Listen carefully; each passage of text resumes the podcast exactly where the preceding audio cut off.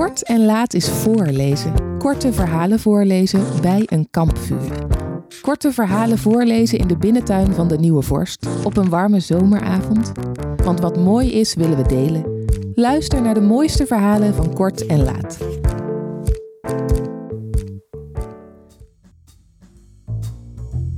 Dit is Kort en Laat, de podcast. Je hoort korte verhalen, voorgelezen in de binnentuin van de Nieuwe Vorst. Het is de achtste aflevering van de vierde jaargang.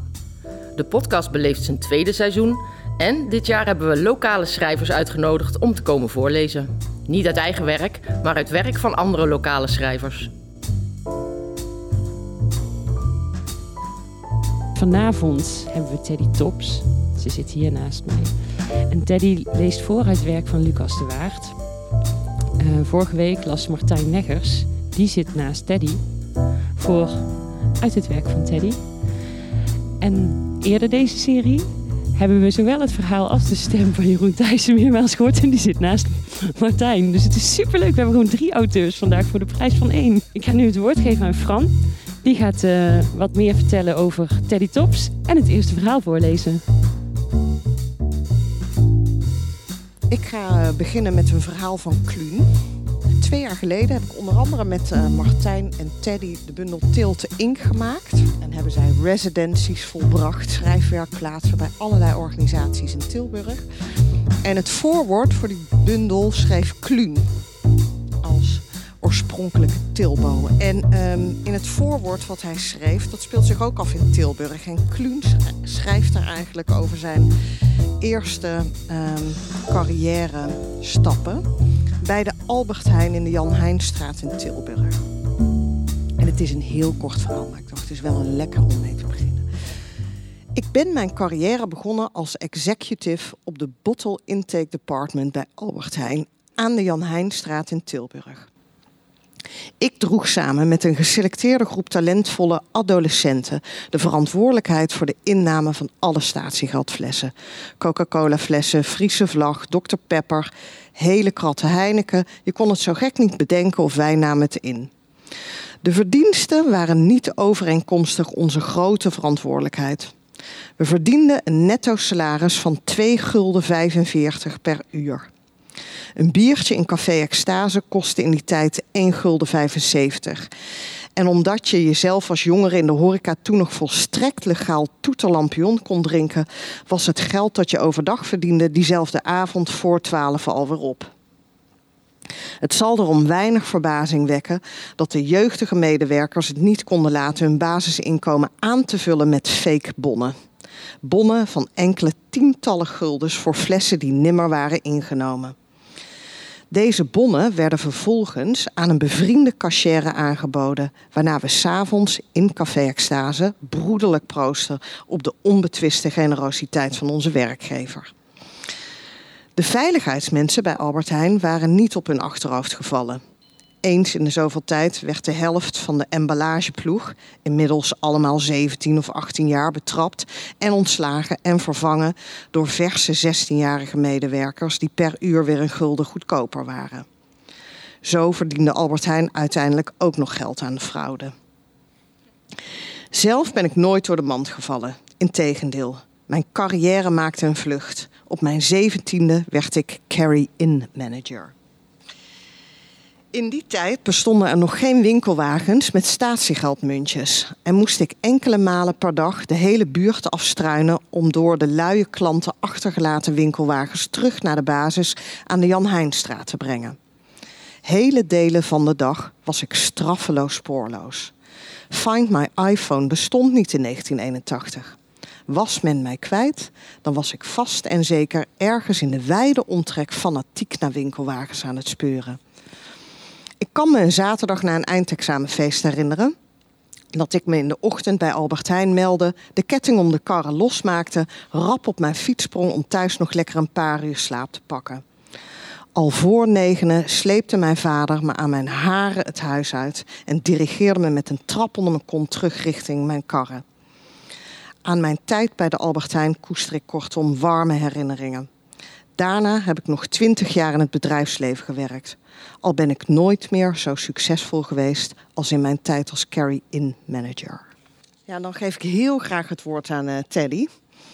Misschien kennen jullie Teddy al wel van andere literaire podia in Nederland. Teddy is schrijver, programmamaker, uh, ambassadeur voor mooie culturele programma's in Brabant. Ben je dan ook een beetje influencer, Teddy? uh, cultu nou ja, cultureel ambassadeur, zo noemen we het dan maar. Nou ja, waar heb je niet gestaan? Lowlands, Paradiso, veel al met je eigen programma's en met programma's die je samenstelde. Volgens mij ligt er nog bij een literaire uitgeverij ergens een contractje en kijken wij rijkhalsend uit ook naar uh, de debuutroman van Teddy. Maar daar gaan we nu niet over doorzagen. We hoop je nu heel erg graag uh, hier op de stoel te vragen. En uh, we zijn heel benieuwd wat je gaat lezen. Ja, nee, influencer ben ik toch wel echt te oud voor, denk ik. Hoe oud moet jij eigenlijk zijn om influencer te zijn? Toch wel echt 12? Is iemand 12? Volgens mij is dat ook, ja, nou 12. Dat ben ik al even niet meer. Laten we het daarop houden. Ja, en om dan de Polonaise rond te maken, um, ik ga dus iets voordragen van Lucas de Waard. Um, die zijn snor drukt, omdat hij bang is dat ik zijn grapjes verkeerd vertel. Dus dat gaan we dan maar meteen doen.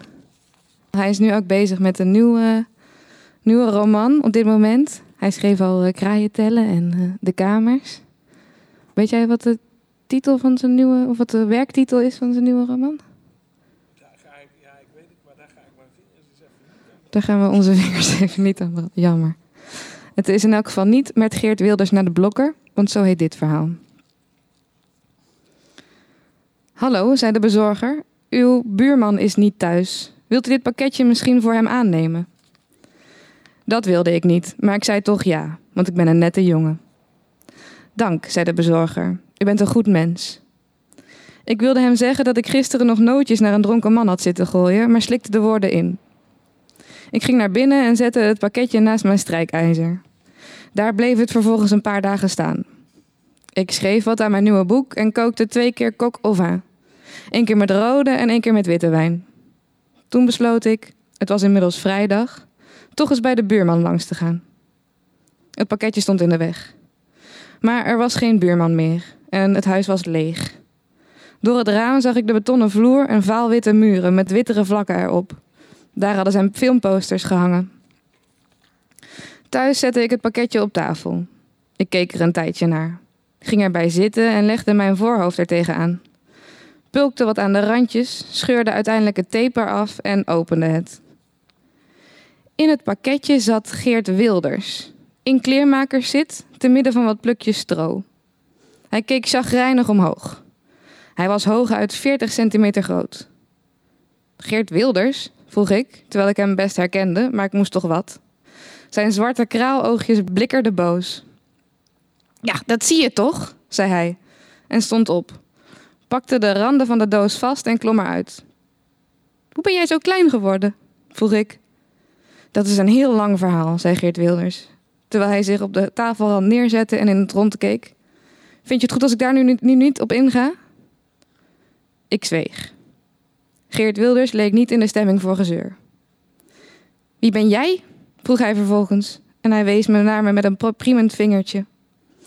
Ik ben Lucas, antwoordde ik. En na een korte pauze, de waard. Ik ben schrijver. Ik heb het pakketje aangenomen voor mijn buurman, maar die is weg. Geert Wilders keek me aan, forsend, en knikte toen langzaam, ten teken dat hij de verklaring afdoende vond. Daarna blikte hij wat om zich heen, mijn interieur in zich opnemend. Op mijn salontafeltje stond een schaal kerst-MM's. Het was nog geen kerst, ik had ze over van vorig jaar. En ze stonden min of meer ter decoratie. Geert Wilders sprong van de tafelrand, holde naar de schaal en begon de MM's op te eten. Met zijn kleine handjes propte hij ze in zijn mond en slikte ze door zonder al te veel kauwen. Ik ging naar de keuken om thee te zetten. Terwijl er bruine sliertjes uit het theezakje kringelden die langzaam het hete water inkleurden, hoorde ik in de kamer gerommel in mijn cd-kast. Je hebt alleen maar kutmuziek, riep Geert Wilders. Ik deed of ik hem niet hoorde. Ik roerde honing door de thee en nam een slok, maar het was natuurlijk nog veel te heet.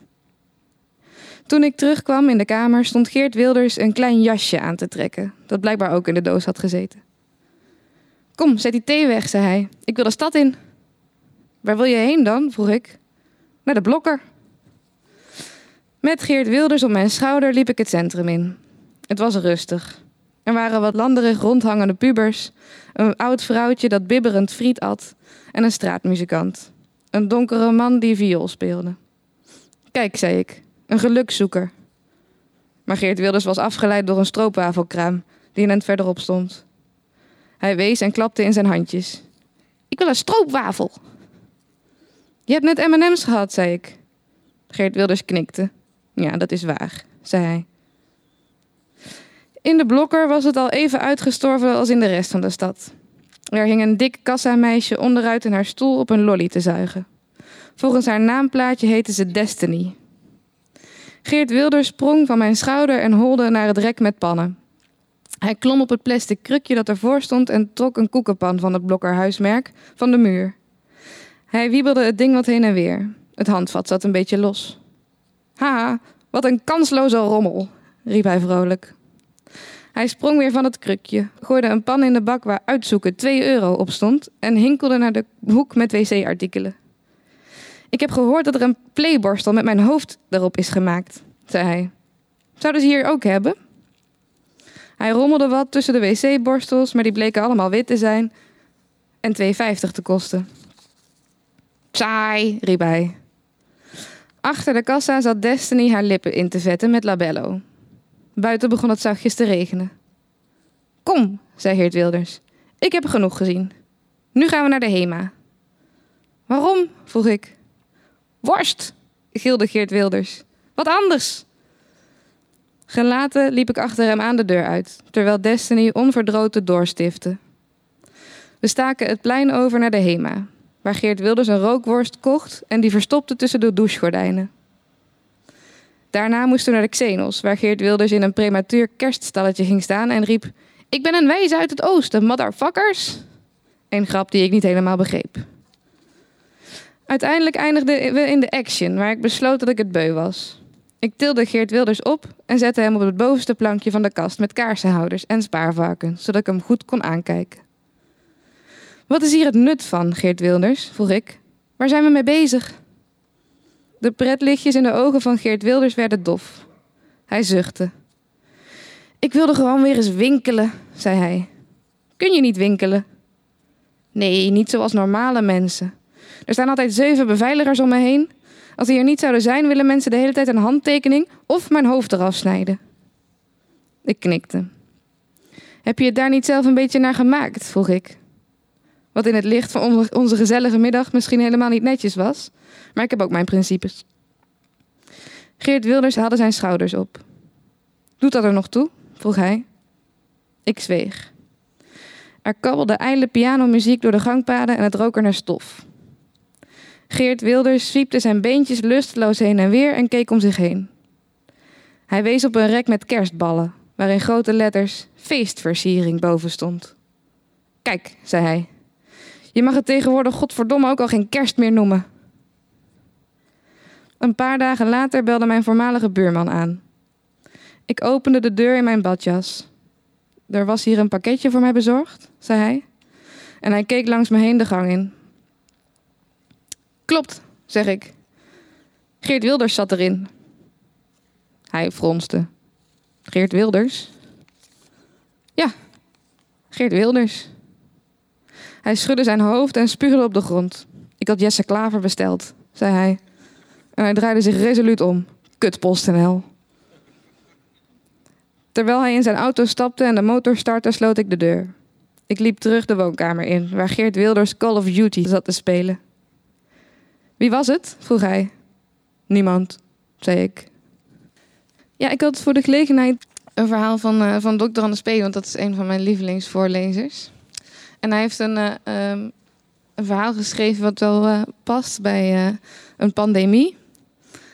want ja, ik moet toch even eerst even vragen of, of we bekend zijn met het Sint-Vitus, de Sint-Vitus-dans. Kennen we dat? Nee? Nou, dat was dus ja, toen in, in de middeleeuwen had je dus uh, de zwarte dood, hè, dus die andere pandemie. Tijdens de Zwarte Dood had je ook, was er een andere, oh, heel veel ziektes, maar ook deze ziekte, de Sint-Vitusdans. Die begon in Duitsland en die was ook in Nederland en Italië kwam die terecht. En het was ook een, een, een soort plaag. En als je de Sint-Vitusdans had, dan, eh, dan ging je dansen. Dus dan, dan hadden mensen gingen dan met z'n allen dus dansen omdat ze ziek waren. En uiteindelijk gingen ze dan ja, zo spartelend dood. En eh, ja, dus vandaar dus Sint-Vitusdans. En ze hebben dus, dat vind ik heel leuk, ze hebben dat dus proberen te bestrijden met muziek. Maar dat is niet gelukt. Nee. Maar ja, dus het bestond echt. Dus die, dat is dan handig om te weten voordat ik aan dit verhaal begon. Dus Dr. Annes P., gezondheidsleer. Er kruipt en vliegt van alles rond, waar wij op tegen zijn. Wie gruwt niet van bacteriën en van het rattenzwijn? De aasgier en de duizendpoot, de lintworm en de slak zijn alleszins afstotelijk, zo ook de kakkerlak. De aanblik van een wangedrocht beangstigt zo intens, daarom nu iets onschuldigers, het lichaam van de mens. U vraagt nieuwsgierig van de wat? Ik toon een exemplaar, bijvoorbeeld een Neerlandicus of een veilingmakelaar. Maar wacht, ik blijf natuurlijk wel de wetenschap getrouw en zeg voor de volledigheid: de mens is dikwijls vrouw. Zoals u hoort te weten, is het fenomeen gezin ontstaan uit die tweeledigheid. We gaan daar niet op in. Het is de mens in het algemeen die hier behandeld wordt. We zien dan veel opmerkelijks, ik houd het echter kort. De tongpapil, de hersencel, het strottenhoofd, de nier. Het rol en het gescharniergewricht, de heiliglendenspier. De ellepijp, de pancreas, het buikvlies en de lens. Dit alles zit normaliter in het lichaam van de mens. Een meelijwekkend onderdeel is wel het mensenhart. Het bloedt en breekt herhaaldelijk en ruimt terecht op smart. Maar ook de lever moet helaas veel treurnis ondergaan. Vandaar ook het weemoedige verschijnsel levertraan. En weet u hoeveel narigheid men onder darmen vindt? De enige is twaalfvingerig, de andere is blind. Genoeg daarvan, we werpen eens een blik in het hospitaal. Hier komt men om erbarmelijk te lijden aan een kwaal. Het komt zelden voor dat daar een arts van ootmoed wordt verdacht. Zij kennen hun geneestechniek en bovenal hun macht. Terwijl het verplegend personeel geen schroom of kiesheid kent. Het is op uw natuurlijke behoefte zeer attent. Zodra men opgenomen is, ontwaart men met een schok de pijlers van het verpleegsterschap, het rooster en de klok. Een ziekenhuis is matineus. Dat heeft tot het effect dat men op een onmenselijk vroeg tijdstip wordt gewekt. Maar noem ons eens wat ziekte op, roept nu het lezerskoor. Dus stel ik hier belangeloos een aantal aan u voor. Eerst komt een vrij gewone kwaal, te weten reumatiek. Hierbij past geen begrafenis, maar ook geen dansmuziek. Geweervuur is vaak ongewenst, vooral in oorlogstijd. Maar mildvuur is afschuwelijk voor wie aan mildvuur lijdt. Een zwakke maag of Spaanse kraag kan heel vervelend zijn, maar gruis in de urinebuis doet uitgesproken pijn. De leider aan de roodwaterkoorts wordt ernstig aangetast. Dus liever maar zwartwaterkoorts? Dat staat nog lang niet vast. De kleur van bloed dient rood te zijn, die mening is gegrond. Een toestand van witbloedigheid is stellig ongezond. Stoei nimmer met een grizzlybeer, nog met een handgranaat, want plotseling gezichtsverlies is soms het resultaat. Een spin, een slak, een wolhandkrab, een schorpioen, een rat. Het voordeel van delirium, je ziet nog eens wat. Het grijpt u, weet ik, naar de keel, wat u hier alles leest. Tot slot dan, ter bemoediging, men viert ook wel eens feest. Vanavond gaan wij naar de hal, rondom de kerstboom staan. Patiënten met Sint-Vitusdans bij voorkeur achteraan. Ik ga mijn lievelingsverhaal voorlezen. Zo, speciaal voor Teddy. Het is uit de bundel Vuurpijlen vangen. En het heet ook Vuurpijlen vangen. De bundel is geschreven door Karin Keuler, een Duitse actrice eigenlijk. Dit is haar debuut. Het is nu denk ik drie jaar uit, zoiets. Het verhaal stond al een keer eerder in. Das mag, denk ik, dat het ooit gepubliceerd is in een, in een literair tijdschrift in Nederland, voordat de bundel er was. En uh, toen las ik het en toen dacht ik, wauw. Maar ja, nu heb ik dus echt gewoon de lat heel hoog liggen voor jullie verwachting. Dus hopelijk lukt het om het ook over te brengen. Ik ga het proberen. Vuurpijlen vangen. 1. Je hebt me de zegelring van je nazi-opa in de hand gestopt met het verzoek hem in zee te gooien. Of ergens anders in het water. Omdat jij het niet kon. Toen heb ik gezegd, dat doe ik niet. Het is immers niet mijn rotfamilie. Ik heb zelf lijken in de kast en die zit helemaal vol. De jouwe passen daar niet ook nog bij. Ik heb de ring bij mijn plastic spin en andere enge dingen in mijn griezelkist gelegd en hem voor je bewaard. Daar ligt hij nog altijd. Er is een tweede bijgekomen. 2. Hoewel we allebei een naam hebben, een heel normale zelfs, dus geen superstomme zoals Babsi of Horst of zo, gebruiken we die onder elkaar niet. We hebben koosdingetjes. Jij zegt Krasiwaya. Ik Libero. Libero, omdat je in mijn gedachten vrij bent. Niet omdat ik aan voetbal of een andere verdediging denk, zoals jij altijd beweert. In mijn gedachten ben je Italiaans, ook al ben je een halve Roemeen. Italiaans en vrij. Als een partizaan in de bergen of zoiets. Soms breken we op de bergkammen brood en kaas zonder een mes te gebruiken en duiken we weg voor de wolken.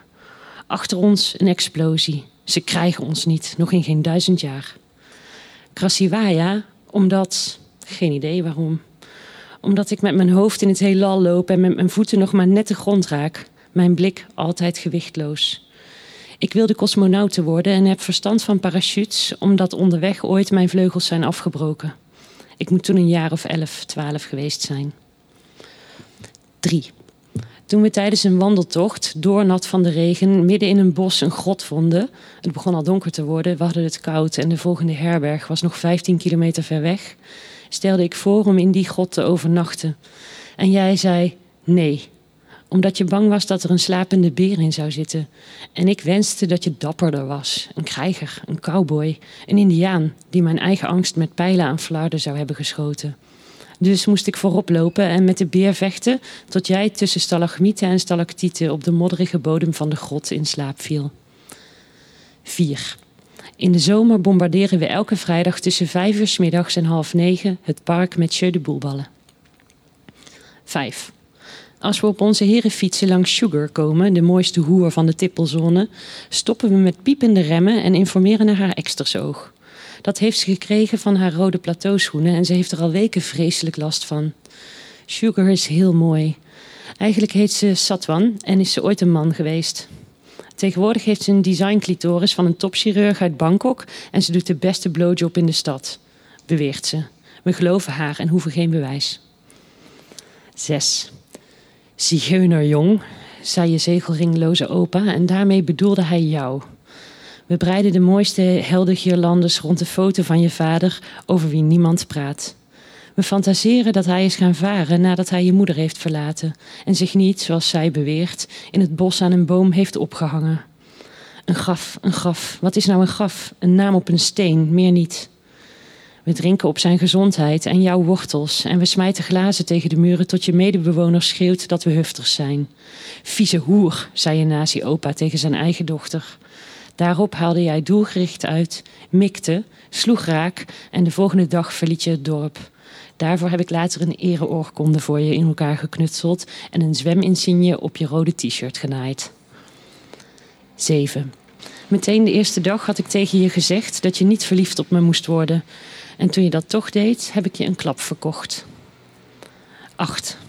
We hadden uitgerekend dat we met je Vespa in 21,3 dagen bij de Zwarte Zee zouden zijn, als we langzaam reden. We hebben 43 dagen nodig gehad en zijn buikslaper geworden. In Hongarije kregen we onze ruzie en bijna was ik teruggegaan. Maar het was volle maan en Donau en jij kwam met de muzici aanzetten. We zit China. En toen kon ik niet meer en ben je om je hals. 9. Mixtape. Kant A, jouw kant. Françoise Hardy, O Chérie. Ernst Busch, Heimlicher Aufmarsch. Bregovic, Mrs. China en Edelezi. Jacques Brel, Ne me quitte pas.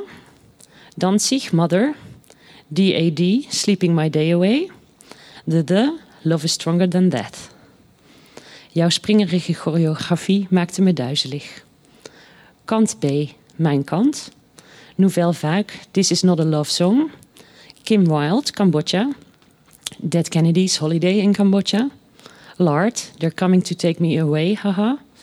Fugazi, Waiting Room. Pixies, Debaser. The No Twist, Moron. Nouvelle Vague, Too Drunk to Fuck. 10. Wanneer gaan jullie eindelijk trouwen? vraagt de een. Waarom zijn jullie eigenlijk geen stel? vraagt de ander. 11.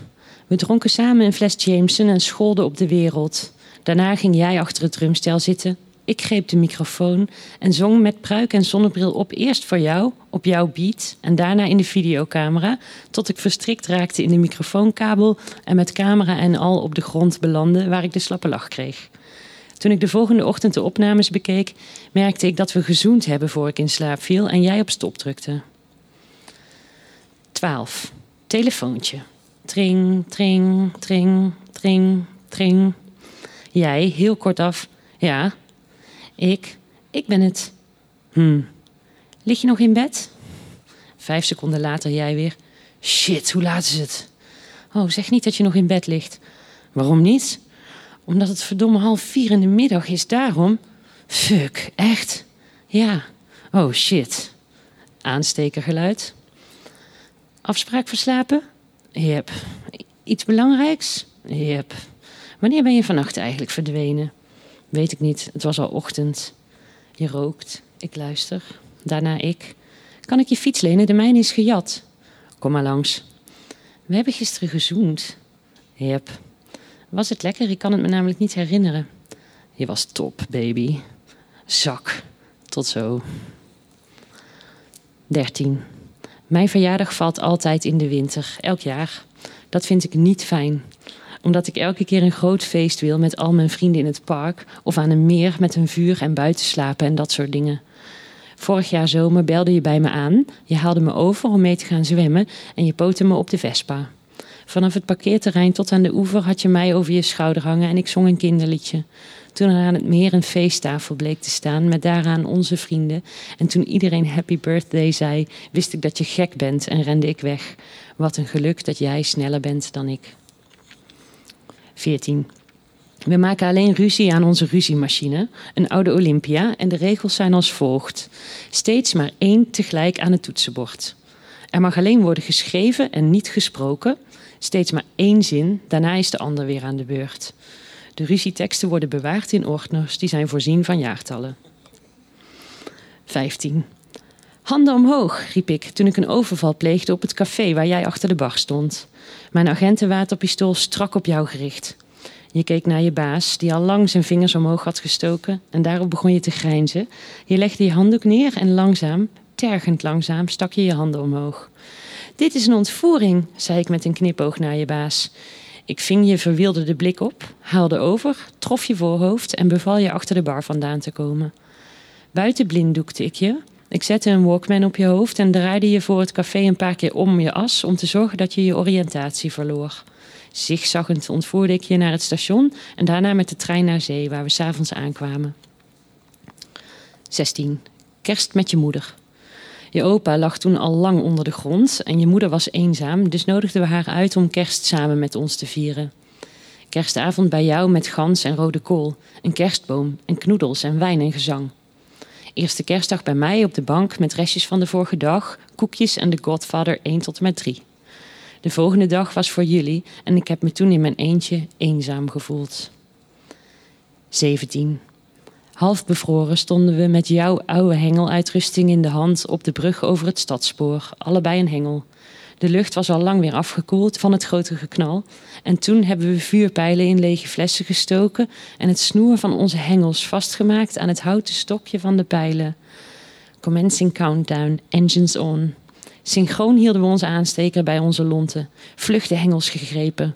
Drie, twee, één. In toom gehouden door de hengelsnoeren suisden de sissende pijlen moeizaam de lucht in en explodeerden boven ons hoofd. We hebben vuurpijlen gevangen. Dat was afgelopen oud en nieuw. 18. De waarom ik niet je vriendin kan zijn top 10. 1. Je hebt maar één boek. 2. Het boek heeft als titel Excel voor Dummies. 3. Je drinkt altijd. 4. Je ruikt naar mijn vader. 5. Je hebt geen doelen. 6. In al je sokken zitten gaten. 7. Je doet nooit ergens de dop op. 8. Je gaat niet stemmen. 9. Je zoenen smaken naar as. 10. Je zult me verlaten. 19. Gisteren heeft je moeder gebeld uit het ziekenhuis met jouw mobieltje. Ik dacht dat jij het was en nam op met: Waar blijf je nou, idioot? Waarop je moeder begon te huilen. Ze zei dat ze een brief voor me had en dat je met een leeggepompte maag in het ziekenhuis lag op de intensive care en dat je huisgenoot je had gevonden. Toen wist ik waarom je s'morgens niet op de afgesproken plek was verschenen en ben naar je toegegaan. 20. Duizend slangetjes in je lichaam, monitoren, gepiep, gepomp, je eindcoma. De dienstdoende arts vertelde me dat je je had vergiftigd met pillen. Je had niet meer geademd. Je hersenen hadden een aantal minuten geen zuurstof gekregen, waardoor je nu in coma lag, kunstmatig werd beademd en kunstmatige voeding kreeg. Onduidelijk was of je ooit weer normaal zou worden. Niet erg waarschijnlijk. Hij gaf me de volgende instructies. Praat op een rustige, vertrouwde toon met hem. Vertel hem prettige dingen. Monter hem op. Raak zachtjes zijn huid aan. Praat over vertrouwde namen en situaties. Volgens de arts moet dat ervoor zorgen dat je voor het leven kiest en misschien terugkeert. Anders dan vroeger, dat wel. Maar het zou heel goed kunnen dat je na een intensieve revalidatie nog een paar mooie jaren kon hebben, zei het verstandelijk beperkt en in een rolstoel. Ik heb je hand en je arm gestreeld op de plekken waar ik bij je huid kom, tussen de buisjes en het verband. Ik heb op rustige toon herinneringen voor je opgehaald, voor je gezongen, een sprookje voor je bedacht en je daarna ongeveer een uur lang uitgescholden. De ongelezen brief heb ik mee naar huis genomen. 21. Je afscheidsbrief. Krasiwaya, het spijt me. Libero. 22. Laffe zak, ik heb er genoeg van. 23. Vandaag is het vrijdag. Wie gaat vandaag samen met mij het park bombarderen? En volgende week? En daarna? Ik ken intussen de naam van alle verpleegsters. 24. Ik weet nu wat het poppenkop-fenomeen is en waar de stam zit. Je bent niet teruggekeerd. Je moeder wilde een graf in de buurt. Ik heb gezegd: zeebegrafenis, hij hoort in de zee. En haar was het toen om het even. Je hart is getransplanteerd omdat je zo'n verklaring had. Voor mij een bijna ondraaglijke gedachte dat er nu ergens iemand rondloopt met een libero-hart. 25. De zeebegrafenis was waardeloos. Samen zouden we ons slap gelachen hebben over je kotsende moeder en de kwezelende priester aan boord. Maar ik stond daar alleen en dacht: hoe banaal is dit alles? Ik voelde me ellendig omdat ik vond dat er iets plechtigs moest gebeuren. Plons deed de urn en mijn mond trok scheef. Ik voel me geamputeerd. Kun je niet net zo zijn als Jezus en binnenkort weer verrijzen? Op een vrijdag, ja, dat zou ik niet meer dan fatsoenlijk vinden. 26. Tijd is kauwgom die geen smaak meer heeft. 27. Ik heb alles verkocht. Ook het drumstel, sorry. Je Vespa loopt lekker, die neem ik mee. Je handschoenen liggen nog altijd onder het zadel. Morgen komt de verhuiswagen en iedereen vraagt: waarom Flensburg? Ik haal mijn schouders op en zwijg. 28. Ze heet Simone Michalski. Het viel niet mee om daarachter te komen. Ik woon in dezelfde wijk. Ze doet geregeld boodschappen in een biowinkel. Hou je vast, met ingang van de eerste van de volgende maand ga ik daar werken als verkoopster voor halve dagen. 29. Ik ga elke dag wandelen aan zee. Je kunt er Denemarken zien. Soms ga ik er met de Vespa heen, koop zout erop en eet een hotdog met een knalroze worst erin. Jij zou gek zijn op Reude Pulser. Op je sterfdag heb ik s'nachts een lichtje op het water gezet en tegen de zee staan schreeuwen. 30. Ik kijk haar aan en zoek naar een spoor, een sprankje. Het erge is, jij zou Simone niet mogen, dat weet ik zeker. Sinds een paar maanden zien we elkaar één keer per week. Ze speelt miserabel jeu de boel. Schaken kan ze ook niet. Het nieuwste is dat ze aan Nordic walking doet met stokken en dat soort dingen. Eigenlijk een wonder dat ze geen afstotingsverschijnselen heeft gehad. 31. Ik zit aan de ruziemachine en breek alle regels.